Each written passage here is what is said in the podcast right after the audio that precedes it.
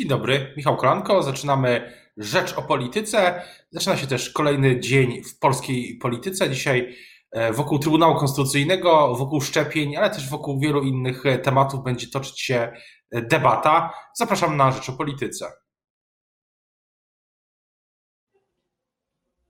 Dzień dobry. Państwa i moim gościem dzisiaj jest Katarzyna Lubnauer, posłanka Nowoczesnej z Warszawy. Dzień dobry. Dzień dobry, witam Państwa. Chciałbym zapytać na początek o Narodowy Program Szczepień, bo pamiętam, że wielokrotnie rozmawialiśmy na antenie Rzeczy o Polityce o tym programie jeszcze kilka miesięcy temu. Teraz sam minister Dworczyk przyznaje, że e, wyraźnie ten program zwolnił e, i że grozi nam to, że nie osiągniemy odporności populacyjnej, zwłaszcza, że w wypadku tego wariantu Delta ona jest w wyższym poziomie niż wcześniej. I pytanie, co, e, co dalej? E, jaki jest pomysł, czy ma Pani, czy opozycja, czy Koalicja Obywatelska ma pomysł, żeby te szczepienia albo przyspieszyć, albo no wprost zmusić Polaków do tego, żeby się szczepili? No rzeczywiście mamy wrażenie, że system przeszczepień ma wyraźną zadyszkę, że Polacy już przestali chcieć się szczepić. Być może fakt, że mamy czas wakacyjny, gdzie część z nich wyjechała, ale również gdzie Sama pandemia trochę odpuściła na skutek tego, że po pierwsze coraz więcej Polaków jest zaszczepionych, ale również to jest taka przerwa między falami. Zawsze jak mamy kolejne fale, no to gdzieś jest pomiędzy nimi takie wypłaszczenie, gdzie mamy poczucie bezpieczeństwa większego, w związku z tym ludzie są mniej chętni do szczepień. Szczególnie jest ważne w tej chwili, że jeżeli mamy nie mieć czwartej fali, albo jeżeli ta czwarta fala ma być mniejsza, bo raczej uniknąć to jej się nie da, to żebyśmy zaszczepili jak najwięcej dzieci i młodzieży. Dlaczego? Dlatego, że to, co wszyscy wiedzą i co rzeczywiście wszystkie praktycznie źródła potwierdzają, jednym z głównych źródeł e, drugiej, trzeciej fali byli uczniowie w szkołach. Czyli fakt, że dzieci, które przychodzą często bezobjawowo, przynosiły, roznosiły między sobą koronawirusa, a potem przynosiły do domów.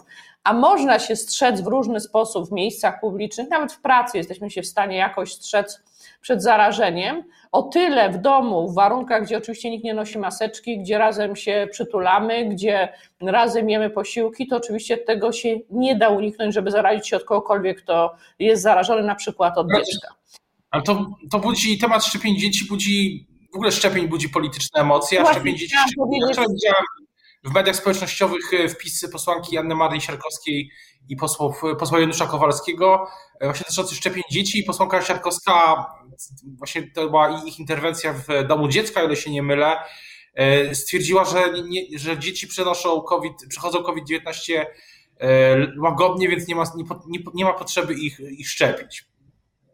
Więc mamy problem polegający na tym, że pewne sępy już latają nad nad szczepieniami i próbują wykorzystać fakt, że jeżeli tak dużo Polaków się nie chce szczepić, to czują, że jest duże, nazwałabym to lobby antyszczepionkowe, czyli że jest dużo osób, które nie chcąc się szczepić, będzie słuchało tych polityków, którzy będą mówili negatywnie o szczepieniach.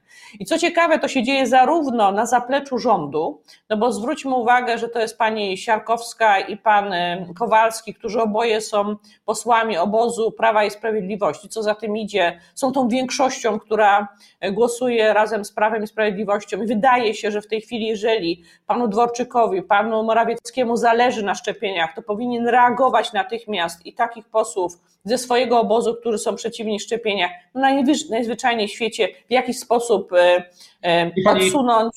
Oczekiwałaby, że, pani oczekiwałaby, że Jarosław Kaczyński e, do, do, będzie się domagał, czy zmusi, wyrzucić z klubu, albo będzie się domagał zrzeczenia mandatu przez, od posłów Siarkowskiej i Kowalskiego. Poseł Kowalski nie jest w PiSie też i pani poseł Siarkowska mam wrażenie, że też nie.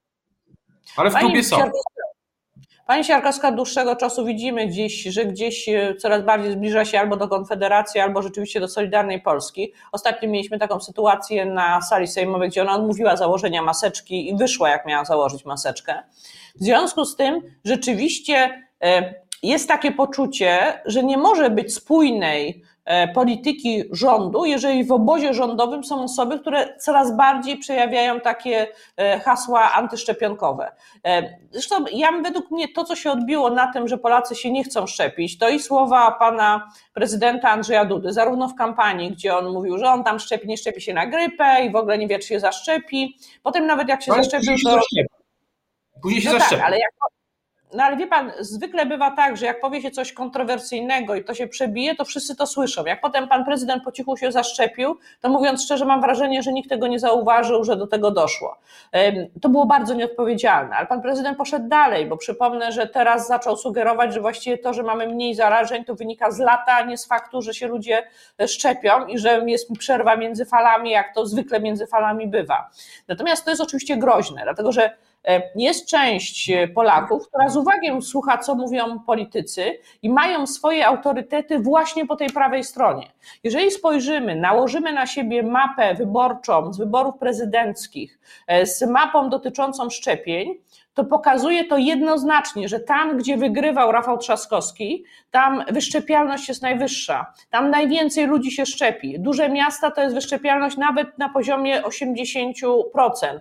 E, w, e, na ścianie wschodniej, tam gdzie wygrywa PiS i tam gdzie autorytetem są tacy ludzie jak Kaczyński czy Duda, tam ta wyszczepialność jest nawet kilkunastoprocentowa w niektórych e, gminach. Co to oznacza? To oznacza, że jeżeli politycy prawicy, którzy są tam autorytetami, e, robią, stają się nieodpowiedzialni, działają w ten sposób, no to mamy jednocześnie sytuację, w której mamy kłopot z tym, żeby uzyskać e, wyszczepialność na poziomie, która da nam jakiekolwiek poczucie bezpieczeństwa przed e, jesienną falą. Za czwartą falę będą odpowiadać antyszczepionkowcy i ci, którzy ich wspierają. Jeżeli pani Zalewska z dużą, że tak powiem, intensywnością pomagała państwu Elbanowi, Wtedy, kiedy wiedziała, że atakowali bardzo skutecznie reformę dotyczącą sześciolatków w rządzie PO-PSL i ona potem, jak została ministrem, pani Zalewska, to bardzo, że tak powiem, zrobiła z nich ekspertów, którzy dostawali dofinansowanie dla swojej fundacji, a w tej chwili państwo elbanowscy też zaczynają być antyszczepionkowi i co ciekawe, w imię prawa rodziców do decydowania chcą zabronić rodzicom prawo do decydowania o szczepieniu swojego dziecka, czyli tym, że chcą... Wróciła Pani do tematu szkolnictwa. To jest, też, to jest też pytanie, bo też e, opozycja, e, trzeba oddać, e, spędziła czas na proponowaniu różnych rzeczy przy pierwszej, drugiej, trzeciej fali, zwłaszcza jeśli chodzi o edukację. I teraz mamy, no, mamy inną sytuację, bo y, w ubiegłym roku między drugą, pierwszą a drugą falą nie było szczepionek, teraz na szczęście są, wszyscy się chętni mogą szczepić w zasadzie chyba od razu, gdyby ktoś chciał, jeśli ktoś chce teraz. No ale pytanie, jak co w tej sytuacji zrobić, jeśli chodzi o szkoły, bo pamiętam też dyskusję y, i, i fakt, że nie wszyscy nauczyciele się zaszczepili, nie tylko dzieci, ale też y, dzieci z przyczyn też oczywiście ograniczeń samej szczepionki, nauczyciele, więc co, co, jaka będzie propozycja koalicji w sprawie czwartej fali i e, w sprawie szczepień nauczycieli i powrotu do szkoły? Jaki tryb? Trzeba kilka rzeczy. E, najpierw jeśli chodzi o dzieci. Ja mu zwracałam uwagę na to, że w momencie, w którym zapadła już decyzja o tym, że można szczepić dzieci powyżej 12 roku życia szczepionką Pfizera, to powinna natychmiast zapaść decyzja, że szkoły organizują tego typu szczepienia. Czyli powinno być, to mogliśmy jeszcze w czerwcu zrobić wtedy, kiedy dzieci chodziły do szkół. Zauważmy, że nawet ten argument dotyczący tego, że przecież dzieci potem wyjeżdżają na wakacje, dzieci nie spędzają całego, całych wakacji, gdzieś szczególnie nie spędzają gdzieś za granicą. W związku z tym, biorąc pod uwagę, że zaczęto stosować zasadę e, możliwości tego wykonania drugiego szczepienia w innym miejscu niż było wykonane pierwsze szczepienie, to należało w czerwcu rozpocząć szczepienie szczepienia dzieci poprzez szkoły i potem pozwolić drugą dawkę przyjąć albo na terenie e, przychodni, którą powiązać z daną szkołą, czyli dać dzieciom sugestie i rodzicom, w której można zrealizować drugą dawkę, albo w dowolnym miejscu Polski e, po prostu wykonać drugie szczepienie tam, gdzie dzieci są na przykład na wakacjach ale tego nie zrobiono. I teraz mamy, my jesteśmy już spóźnieni jakby. Mamy lipiec, natomiast dwie dawki, to przypomnę, że to jest czas kilku tygodni, no bo pierwsza dawka, potem jest przerwa, potem jest druga dawka, a potem ta odporność uzyskuje się znowu po następnych dwóch, trzech tygodniach.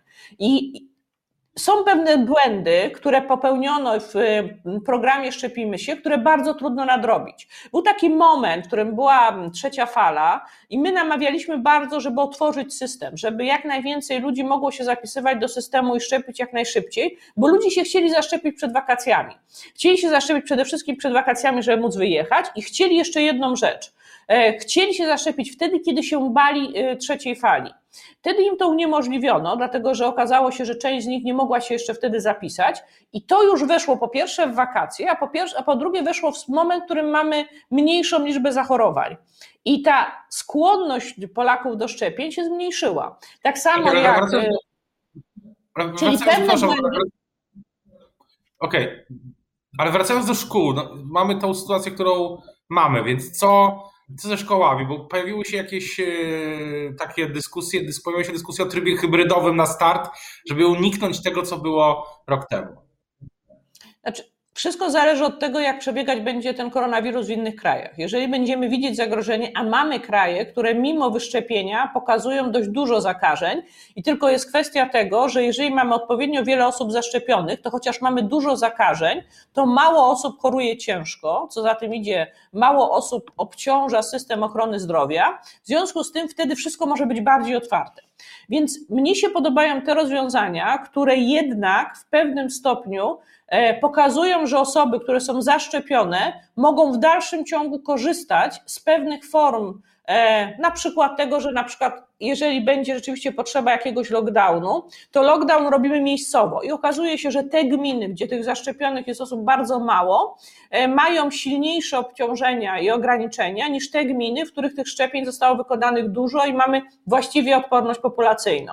E, kolejna kwestia, te rozwiązania, które przyjmują niektóre kraje dotyczące wejścia do restauracji, czyli zasada, że do wnętrza wchodzą osoby, które są zaszczepione albo są z bardzo świeżymi e, testami covidowymi, no, społeczeństwo musi się bronić, ponieważ każda następna fala to są bardzo wysokie koszty. I to nie tylko koszty społeczne, wynikające z faktu, że ludzie chorują, umierają, e, rodziny cierpią, e, ale mamy też koszty finansowe związane zarówno z ochroną zdrowia, jak i koszty finansowe związane z faktem, że musi być zamykanie różnych instytucji, co powoduje wyższe koszty. Na przykład, jeżeli dzieci zostają w domach, to rodzice nie mogą pracować, a przynajmniej rodzice tych najmłodszych dzieci.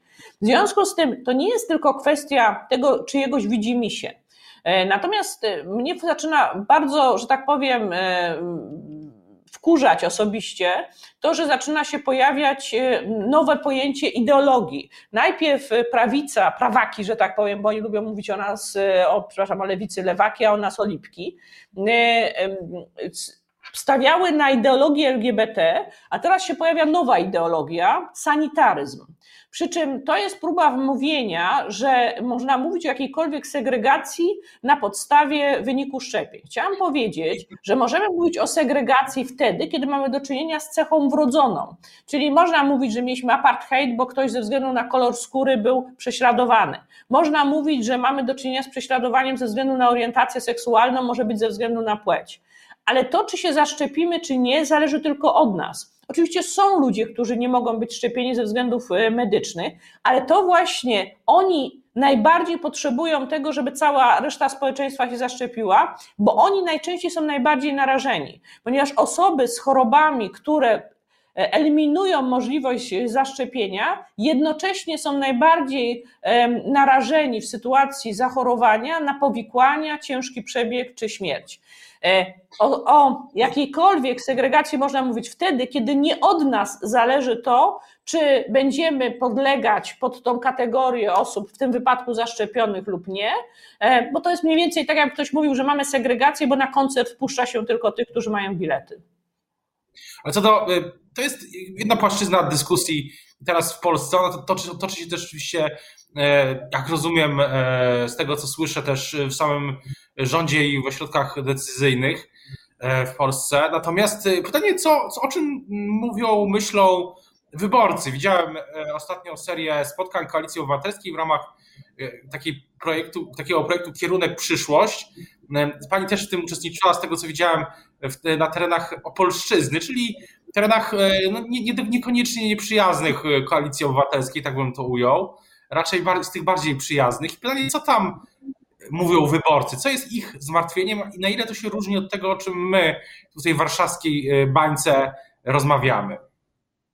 Kierunek przyszłość będzie, czyli te spotkania mm, posłów i senatorów Koalicji Obywatelskiej są w całej Polsce. Ja rzeczywiście w ostatnich dwóch dniach byłam w poniedziałek na Dolnym Śląsku, we wtorek na Opolszczyźnie, natomiast jeszcze w tym, w tym tygodniu wybieram się na Śląsk w czwartek, natomiast poprzednio z innym projektem Lato lato, lato dziewczyn byłam na, lato kobiet, przepraszam, lato kobiet byłam na, w województwie świętokrzyskim u Marzeny Okły-Drewnowicz. W związku z tym bywamy na wszystkich terenach. W tym tygodniu jeszcze w piątek kierunek przyszłość będzie na Podkarpaciu.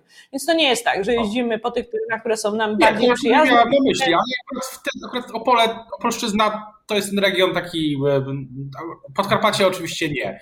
E, ale pytanie, co, co mówią wyborcy? To mnie, to mnie ciekawi. Jakie są też reakcje na Państwa akcje? Znaczy ci, którzy się spotykają z nami, to w większości, to bardzo różni są ludzie. Często są też tacy, którzy przychodzą po to, że mają pierwszą okazję, żeby zadać trudne pytanie politykowi. Na przykład taki młody człowiek w Kłodzku, który nawet można powiedzieć, że zaatakował nas między innymi o tematykę szczepień, czyli tematykę dotyczącą patentów i tematykę dotyczącą tego, w jaki sposób świat powinien sobie radzić ze szczepieniami. Ale e, pytania są bardzo różne. O praktycznie przechodzą przez, całe, przez cały obszar dotyczący rozwiązań programowych, bo były pytania zarówno na przykład o śmieci. Co zrobić, żeby gminy po pierwsze miały niższe opłaty za śmieci, a po drugie, co zrobić, żeby tych śmieci w ogóle było mniej. Były pytania dotyczące e, podatków, e, rozwiązań podatkowych, szczególnie, że my jechaliśmy z pewnymi rozwiązaniami podatkowymi, opieki senioralnej. Były pytania dotyczące opieki nad osobami z niepełnosprawnością, szczególnie, że ja na przykład na, e, w Świętokrzyskim byłam z panią Iwoną Hartwig i dość dużo pytań było związanych z tym, w jaki sposób państwo pomaga osobom z niepełnosprawnościami. Te pytania są, dotyczą zarówno spraw stricte programowych i naszych propozycji programowych, bo my tam jedziemy też y, z taką ulotką, która prezentuje cztery obszary y, programowe: zdrowie, klimat, seniorzy i podatkowe takie przedsiębiorcy i pracownicy. Y, I również my się tam pytamy, bo tam jest taka część ulotki, którą my, osoba, która czyta ulotkę, może potem oderwać, wypełnić i wrzucić nam do urny, żeby powiedzieć, co dla niej jest najważniejsze, jakie jeszcze punkty są najważniejsze. Kiedyś Ale również, na przykład taka... w tej chwili w tej chwili na przykład pojawiają się pytania o edukację związane z tym, co wyczynia pan Czarnek i to dość często, szczególnie, że na te spotkania przychodzą też ludzie, którzy są z jakąś edukacją związani, czy nauczyciele, czy rodzice, no i są przerażeni tym, co pan Czarnek wyczynia w edukacji, ponieważ rzeczywiście mamy taką e, fundamentalistyczną indoktrynację nam się zapowiada. Pana, pomysły pana Czarnka, średniowiecza. Jedna rzecz, czy, czy, czy na koniec, czy, czy pytają wyborcy o Donalda Tuska, który wrócił, a później, a teraz e, wydaje się mm, nieco zszedł z areny na kilka dni. Donald Tusk od początku, jak tylko wrócił, to uprzedzał, że on musi na kilka dni pojechać z wnukami, bo są różne zobowiązania, ale zobowiązania w stosunku do dzieci, w tym wypadku wnuków, zawsze są najważniejsze, jeżeli ktoś wie, jak to w rodzinie wygląda. Natomiast on już wraca i w poniedziałek już jest spotkanie w ramach kierunku przyszłość na Pomorzu, gdzie już jest udziałem Donalda Tuska. Natomiast nam to nie przeszkadza w działaniach. My cały czas y, rzeczywiście pracujemy. Ale czy ludzie Donald... pytają, niego? Tak, pytają się na przykład y, tam, gdzie byliśmy, oczywiście, dlaczego nie jest z nami. Y, natomiast y, ja mam wrażenie, że przede wszystkim Donald Tusk spowodował coś, co ja nazywam z jednej strony efektem Tuska, to są wyniki sondażowe, to jest takie zaangażowanie się większe E, po stronie opozycji ludzi, którzy czują nadzieję na to, że to jest y, element zmiany, ale zauważyłam też syndrom Tuska. Syndrom Tuska to jest to, co się dzieje między innymi w mediach publicznych, czyli to, że mamy biegunkę Tuska w wiadomościach, w jaki sposób go można mocniej oszkalować i w mediach prawicowych. Mam wrażenie, że tam y, szuka się wszystkich możliwych argumentów, żeby osłabić Tuska i żeby wyjaśnić przez 40 razy wymienianie nazwiska Tuska, że Tusk nie jest istotny z punktu widzenia polskiej polityki, co jest rzeczywiście oczywiście dość żałosne, bo jak można równocześnie mówić przez prawie cały program o Tusku, a potem na końcu stwierdzić i dlatego właściwie nie ma żadnego efektu Tuska.